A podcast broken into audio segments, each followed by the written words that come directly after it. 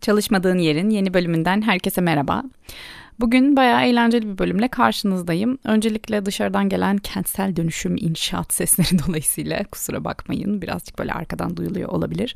Konumuz kadın şifacılığı ve bitkilerin bildikleriyle aromaterapi dünyası. Fi tarihinde belki hatırlayanlar vardır bir anket yapmıştım bu konuda bir şeyler çekeyim mi diye. E, bayağı istek gelmişti. Kısmet bugüneymiş. Bir de şöyle bir işbirliğine denk gelmiş oldu hem de bu bölüm. E, Vina Koça markası aromaterapik doğal ürünler üreten bir marka. Bir kadın girişimi kuruluşu markası diyebilirim buna. Bana denemem için birkaç ürün yolladılar. Denediklerimden çok memnun kaldım.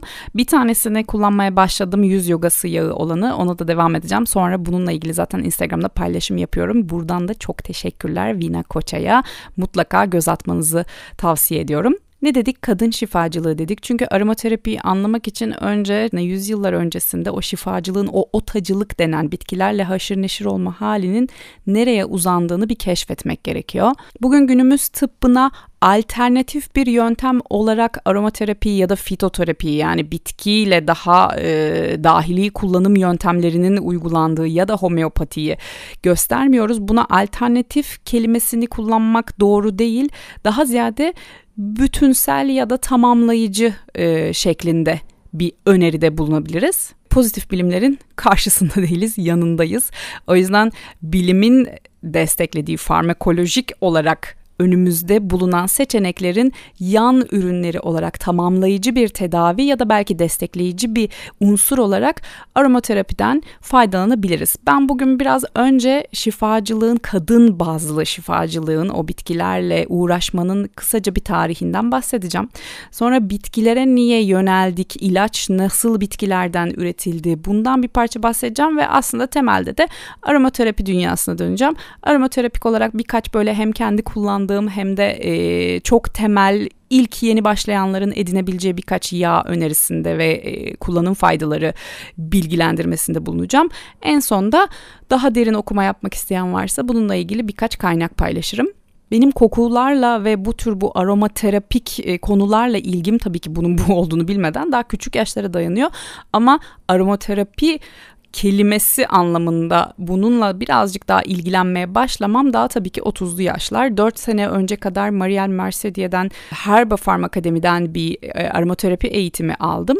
O zaman daha da derinleşmiş oldum ve e, çeşitli okumalarla da destekledim. Çok seviyorum. Kendim aslında amacım bu konuda profesyonel bir şey yapmıyorum. Yapmak da değildi zaten. Amacım sadece kendime yetecek kadar bilgi sahibi olmak ve bildiklerimi etrafımda varsa eşim, dostum, çok yakın çevrem sonra neden bana tavsiye isteyen olursa onlarla paylaşmak paylaşabilmek. Bir kişi için iyi olan yöntemler, seçenekler ve içerikler bir başkası için iyi olmayabilir. O yüzden aromaterapinin öncelikle söyleyeceğim şey şu ki temel kuralı zarar vermemek, dikkatli olmak. Önce deneyerek ve kendi üzerinde kendine has olan o tepkimeyi fark ederek, dikkat ederek bunu bir gözlemleyerek e, devam etmek yola.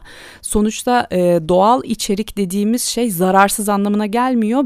Bir başka bünye için zararlı da hale gelebilir. Neyse bunlara zaten zaten birazdan detaylıca değineceğim. Evet, şifacılık dedik, kadın şifacılığı dedik. Önce şifacılık dediğim şey yani aslında modern tıp yokken batıl tıp e, ilkel tıp e, nerelerden başladı? İlk bu konudaki bitkisel bazlı tabii ki bütün tıbbi ve e, farmakolojik gelişmeler çünkü bitkiler dışında o dönem için faydalanabilecek hiçbir e, içerik yok ellerinde. İlk şifalı bitkiler kitabının Çin'de Shen Nung tarafından milattan önce 2700 yılında 700'lü yıllarda yazıldığı e, söyleniliyor. Daha sonrasında Sümerler'de, Asurlar'da, Mısırlılar'da yine benzer dönemlerde e, ve daha sonra eski Roma'da tabii ki şifacılık hayvancılıkla çokça ilgilenilmiş. İnsanların gündelik hayatının ayrılmaz bir parçası bu bitkilerle uğraşmak. Hatta eski Roma'da e, aktarlara işte kök sökücüler, merhemciler denirmiş. Bugünkü bizim aktar dediğimiz uzmanlığı icra edenlere. E, Hipokrat e, bildiğiniz üzere milattan önce 400'lü 300'lü yıllarda yaşayan bir şahıs. Celsus Galenos yine benzer yıllarda. Sonra yine bir bitki kökleri üzerine kitabıyla Aristos, Aristo'nun öğrencisi Diokles bu konuda bir yayın ortaya atıyor. Ancak kadınların işe daha görünür şekilde dahil olması 12. yüzyılda Azize Hildegard'la oluyor. Manastır tıbbı hatta kadın manastırında e, onun yaptığı çalışmalarla birazcık da böyle ezoterik e, ilgisi ilgisi olan, metafizik dünyaya ilgisi olan bir kadınmış.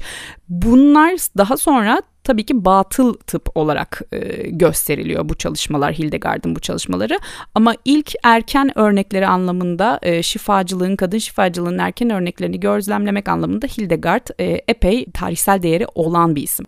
Orta Çağ öncesi dönemde erken Hristiyanlık hatta Hristiyanlık öncesi dönemde e, çok fazla organize bir tıbbi çalışmaya tabii ki hani hekimler e, o dönem için hekim sıfatı nasıl kullanılıyorsa mevcut ancak e, daha sosyolojik yani toplumsal mekanizmanın strüktürün bir parçası olarak doktorluk, hekimlik dediğimiz şey aslında orta çağda kiliseyle birlikte, kilisenin yönetimi, merkezi yönetimi ele geçirmesiyle, feodal sistemle birlikte ortaya çıkıyor. Daha önce Kadınlar Günü'yle ilgili bölümde de söyledik. E, orta çağ döneminin kilisenin egemenliğindeki o dönemin en büyük özelliği neydi? Tabii ki erkek egemen bir sistem yaratmaya çalışması, bir mekanizma yaratmaya çalışması. Dolayısıyla o dönemde de yetiştirilen artık e, sistematik olarak yetiştirilen hekimlerin tabii ki erkek olduğunu biliyoruz kadınlar e, daha kendi kapalı izole dünyalarında daha alt kültürde e, bitkilerle haşır neşir olup otacılık ya da halk şifacılığı dediğimiz küçük kitlelerde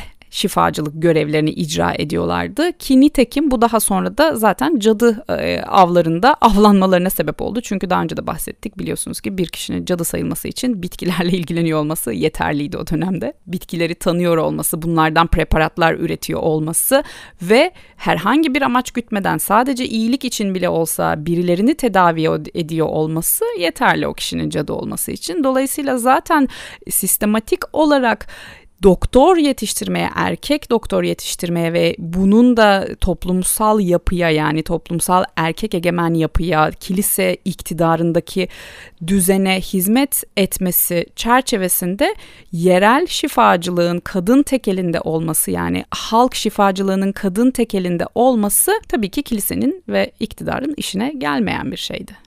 Ancak bugün artık biliniyor ki farmakolojik tarihi boyunca günümüze ulaşmış olan eczaların zaten bitkilerin içerdiği kimyasalların sentetik taklitleri üzerine ve daha sonra bunun geliştirilmesi üzerine üretilmiş içerikler. Yani her şey bitkilerin incelenmesiyle bitkileri bir şifa aracısı olarak kullanmakla başlıyor ve bunu da en iyi kadınlar yapıyor.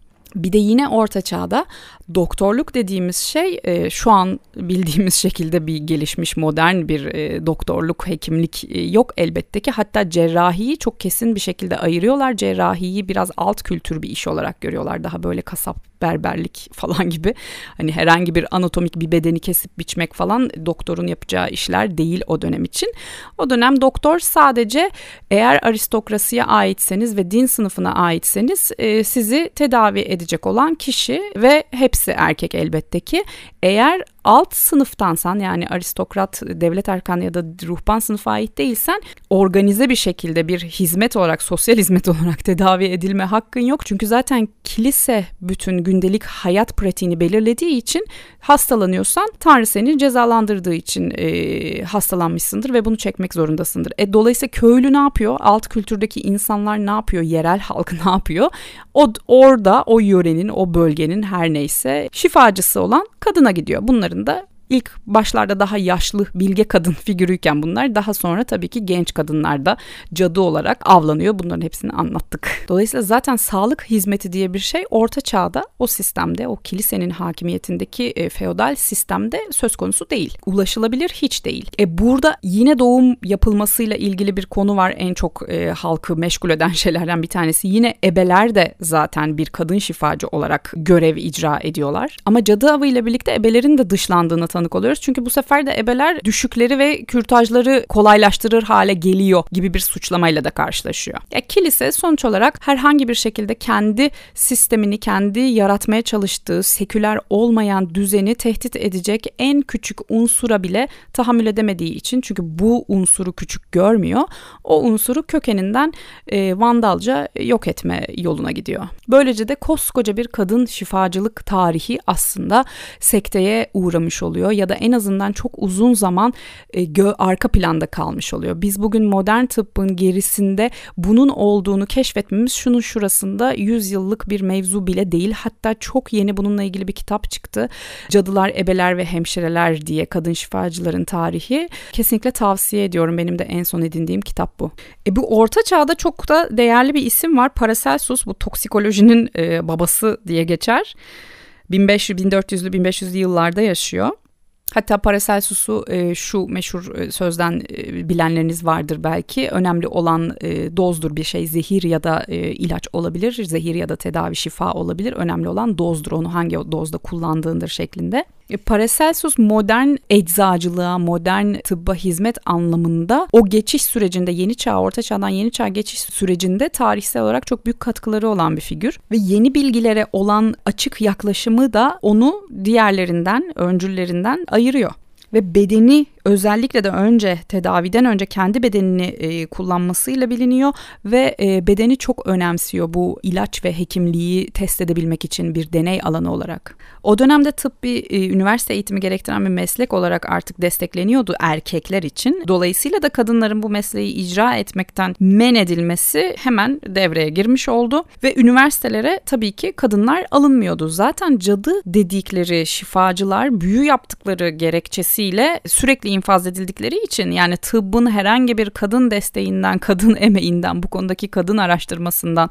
faydalanması gibi bir şey o dönem için söz konusu değil. Ta ki Paracelsus yine bir şey değiştirmiyor gerçi e, genel düzende ama Paracelsus bu anlamda şu açıdan önemli. 1527'de yazdığı bütün farmakoloji metinlerini yakarak tüm bildiklerini kadın büyücülerden tırnak içerisinde büyücülerden öğrenmiş olduğunu itiraf ediyor. Hatta e, rivayete göre e, öğrencilerin önünde bir ateşte İbn Sina'nın, Hipokrat'ın, e, Galenos'un e, kitaplarını bununla birlikte yaktığı söylenir. Yine o dönem kilise tabii ki çok aktif bir şekilde köylü şifacılara yani kadın şifacılara karşı saldırıya devam ediyor. Bunu büyü olarak görüyor. Hatta bu bitkilerin bilimini ilmini çözmüş oldukları için onların bu bilgiye nereden sahip olduklarını bilemedikleri için şeytanla işbirliği yaptıkları sonucuna varıyor. Çok akıllıca. Ancak bugün modern farmakolojide önemli faydalanılan bazı ilaçların bazı içerikleri olarak da o dönemde aynı amaçlarla kullanılmış çeşitli bitkileri görüyoruz. Bunların en popülerleri belladonna olarak bilinen güzel avrat otu ağrı kesici e, olarak kullanılıyor ve hatta e, spazm giderici olarak da o dönemde cadı şifacıların e, kullandığı söylenir. Onun dışında adam otu yine içeriğindeki anestezik e, madde dolayısıyla o dönemde anestezi amacıyla kullanılan bitkilerden bir tanesi. E, yine çok bugün bile hala kadim bilgiye sahibiz rezene, kekik, oğul otu gibi bitkilerin solunum problemlerinde kullanıldığı biliniyor. Ve yine çok hızlı şöyle birkaç e, kitaptaki tablodan sayacağım.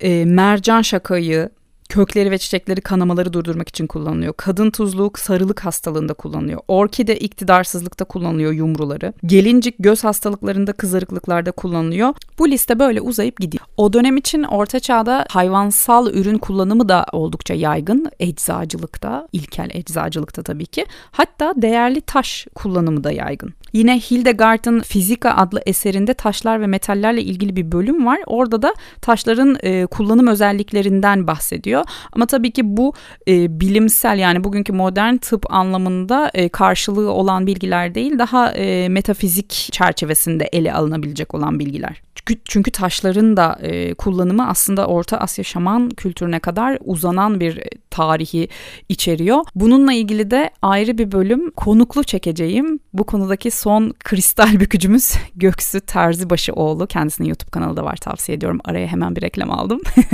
Göksu'yu e, konuk alacağız. Göksu bize değerli taşlarla ilgili bayağı epey bilgi verecek. Onu da takipte kalın. Yani ne dedik günümüzde 75 bin bitki türü varmış. Bugün e, günümüz farmakoloji ilaç dünyasında hem bilimsel olarak hem tamamlayıcı tıp olarak e, kullanılmakta. Dolayısıyla bitkilerin bilgeliğinden faydalanmak yeni bir şey değil. Aromaterapinin tekrar gün yüzüne çıkması tabii ki e, kadın hareketinin, kadın şifacılık hareketinin Amerika'da 1950'lerden sonra 1930-40'lardan sonra e, yükselmesiyle o bir feminist hareketle birlikte palazlanmasıyla önümüze sunulmuş olan gündemin nihai bir parçası. Bugün artık yeni nesil e, New Age iyileşme pratikleri derken e, bunu da dahil etmek durumundayız. Elbette ki bitkilerden faydalanan e, kadim bir alan olarak aromaterapiyi de bunun içerisine katmak durumundayız. Ve yine aynı şekilde benim bu konudaki görüşüm bir de kadın hareketiyle birlikte e, yükselmiş olan o iadeyi itibar tavrının süre giden bir parçası, bir sorumluluğumuz aslında. Bitkilerin bilgeliği dedik aromaterapi bitkilerin bu bilgeliğinden faydalanıyor dedik. Bitkilerin peki bilgeliği dediğimizde ne anlıyoruz? Aslında bitkiler evet canlı olduklarını biliyoruz ama ne kadar e, canlılıklarını kendi dünyalarında bilinçli bizim anladığımız insan bilinci anlamında değil ama kendi iç düzeneklerinde bir bilince sahip olarak yaşıyorlar. Bitkilerin de duyuları var, bitkilerin de algıları var, bitkilerin de haberleşme sistemleri var. Zaten içeriklerindeki bitkinin doğal içeriğindeki kimyasal altyapı kimyasal bileşenler buradaki kimyasal laboratuvar kimyası sentetik kimya değil doğal hepimizin bizim de bünyemizde olan kimyasaldan bahsediyorum. Bitkilerin kimyasal bileşenleri taşıdıkları bileşenler zaten tam da bu haberleşmeyi bu algılamayı bu kendini korumayı e, belki kendini herhangi başka bir canlının hizmetine açmayı mümkün kılıyor. Çok e, bilindik tabii ki deneyler var bitkilerin ışığa duyarlılığı, hangi renk ışığa, hangi saatler arasında nasıl duyarlılık gösterdiği gibi e, deneyler zaten çokça yapılıyor. Bununla ilgili daha teknik bilgilerin olduğu e, kitaplar da mevcut. Benim e, bu konuda çok severek okuduğum kitaplardan bir tanesi bitkilerin bildikleriydi. Daniel Shamovitz tarafından yazılmış. Ama bitkilerin hayatta kalmak için, çoğalmak için, üremek için, büyümek için tabii ki duyusal algıları dışında bir de haberleşme sistemleri var. Bunu da etrafa çeşitli kimyasal bileşenler yayarak yapıyorlar. Bunlar kimi zaman kokulu, kimi zaman kokusuz, kimi zaman bizim algılayamayacağımız e, eşikteki kokular da olabiliyor. Bu uçucu kimyasallarla haberleşme konusu bizi zaten aromaterapiye götürüyor ki uçucu kimyasalları aromaterapide bitki bazlı uçucu kimyasalları aromaterapide kullanıyoruz. Bitkilerin bu haberleşme sistemleri e, içerisinde örneğin tırtıl istilasına uğramış bir ağacın sağlıklı ağaçlara havadan feromon e, aracılığıyla mesaj göndererek kendini koru sinyalinde bulunduğu e, biliniyor. Bunların hepsi çeşitli deneylerle kanıtlanmış çalışmalar. Kısaca bitkilerin haberleşme yöntemi, içeriği ve amacı ne olursa olsun ister kendini korumak, ister sadece o anki biyolojik, biyokimyasal ihtiyacını gidermek ya da büyüme, üreme, çoğalma ya da bir e, başka canlıyı, bir e, örneğin arıyı kendine çekmek şeklinde bir e, hal de olabilir bu. Bunların hepsi çeşitli kimyasal salgılamalarıyla kim kendi bünyelerinde içerdikleri o kimyasalları ister dışarıda ister içeride sentezlemeleriyle gerçekleşiyor.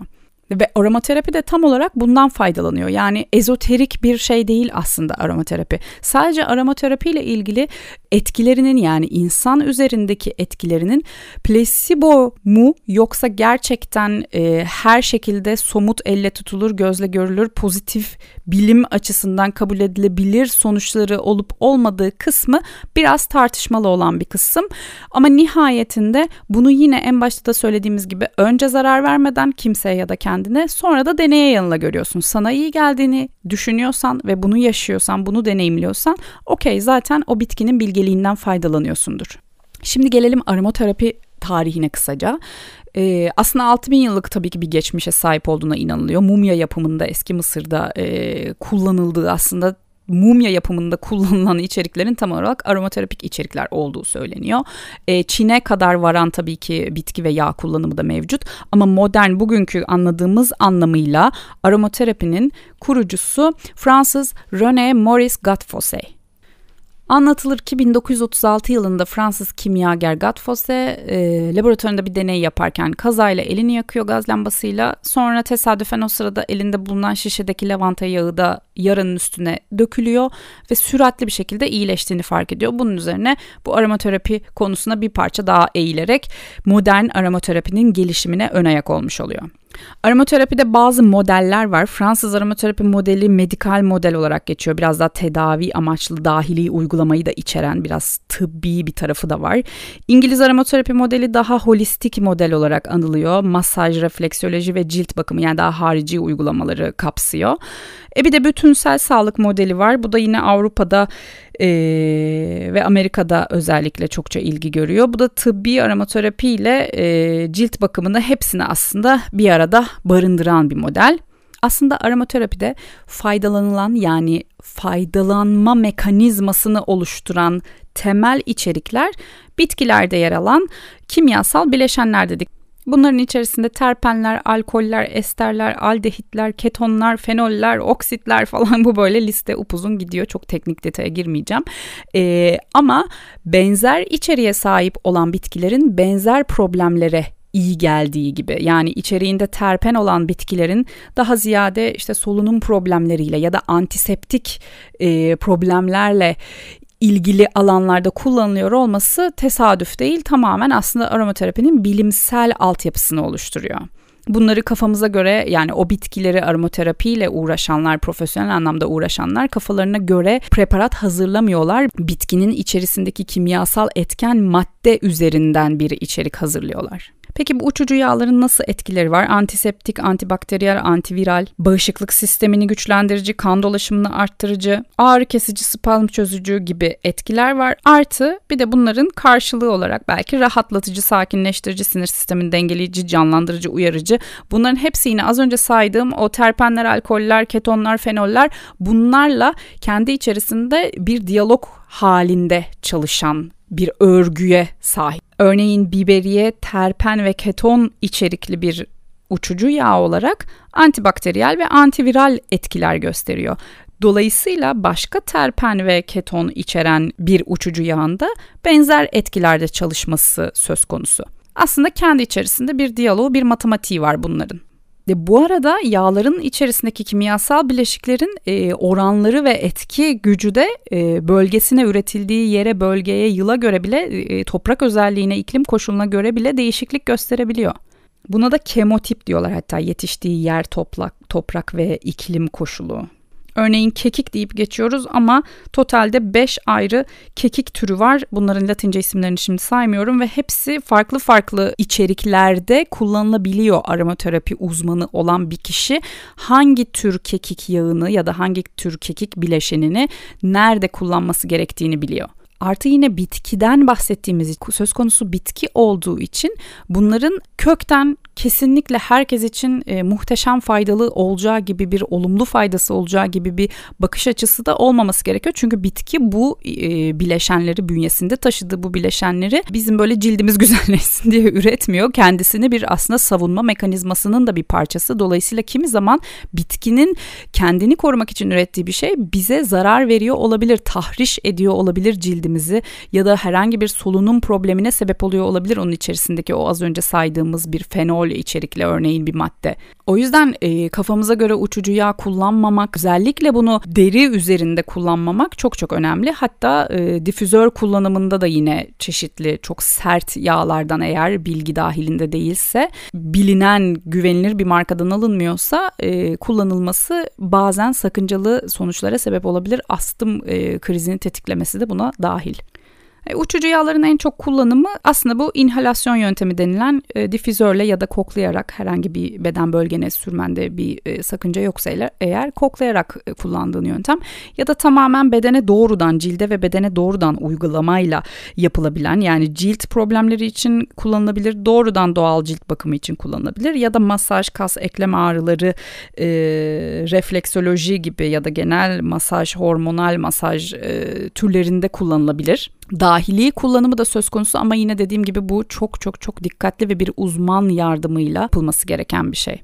Yine eğer bu konuda ilgin varsa birazcık da böyle araştırıp okuduysan ve birilerinden bu konuda uzman birilerinden yardım aldıysan e, kompres ya da bu gibi daha yoğunluğu arttırılmış yöntemler de var elbet. Ama temel olarak uçucu yağların kullanım mantığı şu adı üstünde uçucu o yağın uçmaması için bir sabit yağ ile sabit yağlar çok çok büyük oranda zararsızdır. Sabit tohum yağıdır çünkü. Sabit yağ ile taşınabilir hale getirilmesi gerekiyor. Bunun da yine kendi içerisinde bir matematiği var. Yani taşıyıcı yağın oranıyla e, hangi amaçla kullanacaksan içine koyacağın uçucu yağın oranının yine kendi içinde zararsız olabileceği bir e, matematiksel ölçüm var. Bu da aromaterapi uzmanlarının bilgisi dahilinde. Difüzör kullanımında yani inhalasyon yönteminde ise e, herhangi bir taşıyıcı yağ kullanmadan doğrudan difüzöre buhurdanlığın o e, haznesindeki suyun içerisine birkaç damla damlatarak kullanımı uygun. Şimdi en sık kullanılan e, bazı yağlardan örnek vereceğim. Biberiye hem ekonomik kolay e, üretilebilir olması anlamında çünkü uçucu yağ üretmek de çok zor. Özellikle pahalı bitkilerin yani gül gibi, e, yılan yılan gibi, yasemin gibi bu e, sümbül teber gibi değerli bitkilerin uçucu yağlarını üretmek çok çok daha e, meşakkatli süreçler.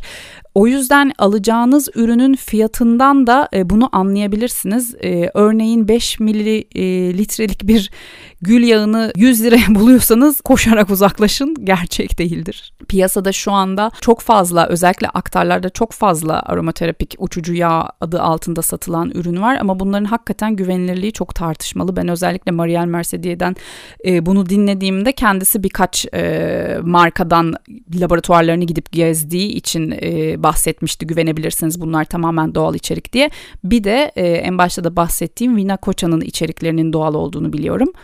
En sık kullanılanlar dedik e, biberiye örneğin hem e, ekonomik olması anlamında hem de kokusunun da böyle çok sert, çok herkes için rahatsız edici olmaması anlamında çok sık kullanılabilen e, yağlardan bir tanesi. E, herhangi bir bölgeye uygulandığında e, antibakteriyel özelliği zaten var ama onun dışında koklamayla da konsantrasyon arttırıyor, işte hafıza problemlerine iyi geliyor, halsizliği gideriyor, enerji veriyor, bir parça canlandırıyor, zihin açıyor. Artı e, solunum problemlerine de iyi geldiği biliniyor. Vicks dediğimiz e, ilaç da zaten hemen hemen benzer bir kokuya sahip. Aynı şekilde yine İngiliz nanesi birazcık daha sert, biraz daha belki astım problemi olanlar için tetikleyici olabilir ama İngiliz nanesinde ben kokusunu çok seviyorum. Yine benzer amaçlarda kullanılabiliyor koklamak istiyorsan. Hint defnesi tea tree olarak özellikle çokça cilt bakım ürünlerinde karşınıza çıkmıştır. Bu sivilce ve deri problemlerinde, akne problemlerinde, mantar problemlerinde kullanılıyor. Yani koku seçimi zaten tamamen kişiye özel olduğu için onunla ilgili ben ancak burada kendi kişisel e, tercihlerimden bahsedebilirim. Ben günlüğün kokusunu çok seviyorum. Hatta çok kez Instagram'da paylaşmıştım. Frankincense diye geçer günlük. Burada da vereyim bu bilgiyi. Hristiyan mitolojisine göre İsa'ya müneccim kralların İsa'ya secdesi diye çok böyle sanat tarihinde de mitolojide de önemli bir olay vardır. İsa'nın doğduğu gün ahıra üç tane e, büyük kıtadan kral gider ve hediye getirirler. Bunlardan bir tanesi bu günlük bir tanesi mür, yine o da bir e, uçucu yağ olarak kullanılan e, bitki. E, bir diğeri de altın. Hatta bugün kiliselerde e, tütsü olarak o buhurdanlıkların içerisinde yakılan şey günlüktür. Günlük cilt üzerine de uygulanıyor. Çok sert ve agresif bir içeriği yok. O yüzden genellikle sıklıkla yağ karışımlarının içerisinde e, görebilirsiniz günlüğü. Kendi içerisinde böyle dengeli bir yapısı var. Çok sert, agresif değil dediğim gibi. E, ben kokusunu çok seviyorum. Hem tütüsünün hem yağının kokusunu böyle eski sandık gibi kokuyor. Antika dükkanı gibi kokuyor. E, lavanta en popüler olanlardan bir tanesi ve yine en güvenilir olanlardan aslında. Lavanta çoğu kişide hiçbir hassasiyet yaratmadığı için ve yine en az agresif olan, en agresif olmayan hatta içerik e, bitki olduğu için e, lavantayı da çokça e, kullanıyorlar aromaterapi uzmanları içeriklerde. E, kokusunu seven sevmeyen artık o kişiye kalmış dediğim gibi. E yine bir turunçgil ailesi var işte bergamot, mandalina, limon, portakal bunlar tam da içeriğindeki o bileşenlerden kaynaklı olarak zaten işte enerji yükseltici, canlandırıcı, uyandırıcı, zihni birazcık daha aktifleştirici içerikteler. Benim kişisel olarak sevdiğim bileşenlerden yani e, içeriklerden bir tanesi yine portakal ve okoliptus ve zencefil karışımını çok severim mesela çok güzel uyandırıyor zihni bence ve çok fresh bir böyle bahar e, havası yayılıyor hakikaten okoliptusu yine herkes için çok belki sevilebilir bir e, koku değil ama ben gerçekten çok faydasını görüyorum. Yani uçucu yağlar dünyası çok e, geniş. Bunlar en çok kullanılanlardı dediğim gibi. Yine zencefil, karanfil benim kendim çok kullandıklarım arasında sedir var. Itır e, nispeten kolay ulaşılabilir ve ekonomik olan bir çiçek uçucu yağı. Itırın kokusu yine hafif güle benziyor. Durum olmayanlar gül yerine ıtır alsın. Bunların hepsi yani burada saymakla bitmez. E, internette de aslında çokça bilgi var. E, hangi uçucu yağ ne için kullanılıyor? Hepsini rahatlıkla bulabilirsiniz ya da bana da hızlıca ulaşmak isterseniz bilgiye sorabilirsiniz. Ben de nihayetinde e, uydurmuyorum. Ben de kaynaklardan edindiğim bilgileri paylaşıyorum. Bir de hidrolatlar var. Çok kısa onlara da değineceğim. Ben kullanıyorum çünkü hidrolatları. Hidrolatla, hidrolatlar da uçucu yağı damıtırken arkada kalan aslında su. E, atık su demeyeyim de temiz su onun bir e, işlemden geçerken arta kalmış olan bir kısmı aslında yine kendi içerisinde yağ kadar konsantre olmasa bile belirli kimyasal bileşenler barındırıyor. O yüzden onun da faydalı olduğuna e, inanılır. En çok bildiğiniz tabii ki gül suyu. Ama gül suyu yani gidip de marketten aldığınız gül suyu e, muhtemelen gerçek bir gül suyu değil. Bir diğeri lavanta suyu, mersin suyu, kekik suyu. Kekik suyu sakın yüzünüze doğrudan uygulamayın. Ben yıllar önce böyle bir hata yaptım bir minik sivilce tedavisinde. Ciddi anlamda cilt yanığı oldu. Dediğim gibi bu kekiğin yağı değil suyu yani öyle düşün. Kekiğin suyu bile böyle bir yanığa sebep oluyorsa yağını siz düşünün. O yüzden uçucu yağları uygularken dikkatli olmak, zarar vermemek ve bilinçli, bilen birinin yardımıyla ya da bir bilgi dahilinde uygulamak çok çok değerli. Şunu tavsiye edebilirim. Lavanta suyu oldukça güvenli. Mersin suyu çok güvenli. Konsantrasyonu oldukça az. Ee, ben çok seviyorum. Tonik olarak mesela Mersin suyu kullanıyorum.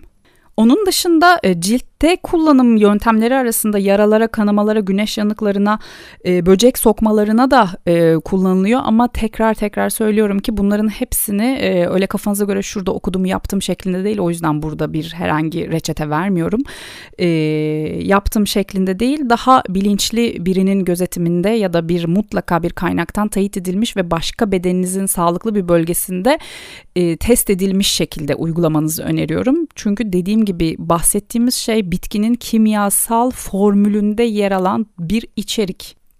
Ve yine e, az önce de söylediğim gibi bunların konsantrasyonu da önemli. Yani taşıyıcı yağın içerisine ne kadar uçucu yağ koyduğun kısmı da e, onun konsantrasyonunu gösterir ve senin ondan zarar görüp görmemene ya da şifasını alıp almamanı belirler.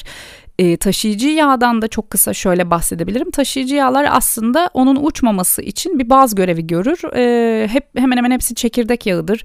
E, zeytinyağı da bir taşıyıcı yağdır. E, çok güvenilir bir şekilde. Susam yağı, kayısı çekirdeği yağı, nar çekirdeği yağı, Yoyoba yağı bunların hepsi e, zaten daha büyük emellerde satılırlar şişelerde. E, nispeten daha ekonomiktirler. Bunların hepsini uçucu yağlara baz oluşturması anlamında kullanabilirsiniz. Avokado yağı da bir uçucu yağ ama bazıları özellikle yüzde yani ciltte e, yoğun gelebilir. Sonuçta yağdan bahsediyoruz. Onu da araştırmadan kullanmayın derim. Ben cilt için benim kendi deneyimlerimden ve gözlemlerimden etrafımda da yapıp yapıp böyle hediye ettiğim kişilerdeki gözlemlerimden paylaştığım en güvenilir olanlardan bir tanesi yoyoba. Nispeten yağ e, konsantrasyonu kendi içerisinde yoğunluğu düşük olduğu için gözenekleri e, o kadar fazla zorlamıyor benim gözlemlediğim ama bu tabii ki çok kişisel bilgiler. Bunların hepsi deneye yanılarak elde edilmesi gereken şeyler.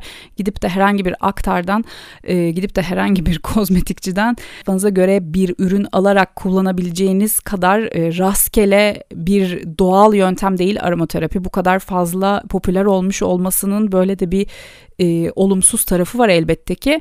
O yüzden aromaterapiyi o anlamda böyle bir e, kozmetik bilimi gibi değil de daha e, sağlık e, çerçevesinde ele almanın değerli olduğunu düşünüyorum. Az önce de en başta da e, bahsettiğim gibi çünkü kadın şifacılığının e, iadeyi itibarı aslında aromaterapinin şu anki yükselişi. Ben e, bundan çok memnunum. Bu demek değildir ki farmakolojik modern tıbbın çözümlerinden ve ilaçlarından uzak duruyorum. Hayır, bunların hepsi birbirini bütünleyen, tamamlayan şeyler. Zaten hep ne diyoruz? Daha önceki bölümlerimizde de hep bahsettik. Felsefemiz zaten bütüncüllük üzerine kurulu. Herhangi bir şeyi dışlamıyoruz. Doğada olan her şeyi kabul ediyoruz. Ee, ve onları birbirlerine entegre halde yaşamaya ve yaşatmaya çalışıyoruz. Buraya kadar dinlediyseniz bravo diyorum. Çok teşekkür ediyorum. Kitaplardan bahsedeyim. Zeki Tez'in bu konudaki 3 kitabı e, benim kitaplığımda var ve çok severek okumuştum. Biyolojinin kültürel tarihi, ilaç ve parfümün sihirli dünyası, tıbbın gizemli tarihi. Ayurveda ve aromaterapi isimli bir kitabım var. Bu da Ayurveda ile de ilgiliyseniz eğer epeyce de kalın güzel bir kitap ve e, okuma kitabı değil aslında bir kaynak kitap. Az önce bahsettiğim Daniel Shamowitz'in bitkilerin bildikleri çok çok güzel. Bitki bilgeliği neden bize e, rehber olur e, sorusunun cevabını açıklıyor. Cadılar, Ebeler ve Hemşirelerde Kadın Şifacıların Tarihi kitabın diğer ismi. E, bu da yine yeni çıktı ve kadın şifacılık nasıl eril tahakküm tarafından yerle bir ediliyor ve sonra tekrar e, modernizm sonrasında feminist e, hareketle birlikte gün yüzüne çıkarılmaya çalışılıyor. Bundan bahsediyor. Güzel bir tarihsel kitap. İçerisinde bitkisel bilgiler de var. Yine bitkilerle ilgili tarihsel bilgiler de var. İlk aşamada bunları tavsiye edebilirim. Sorunuz varsa bana sormaktan çekinmeyin. Sonraki bölümde görüşmek üzere. Hoşçakalın.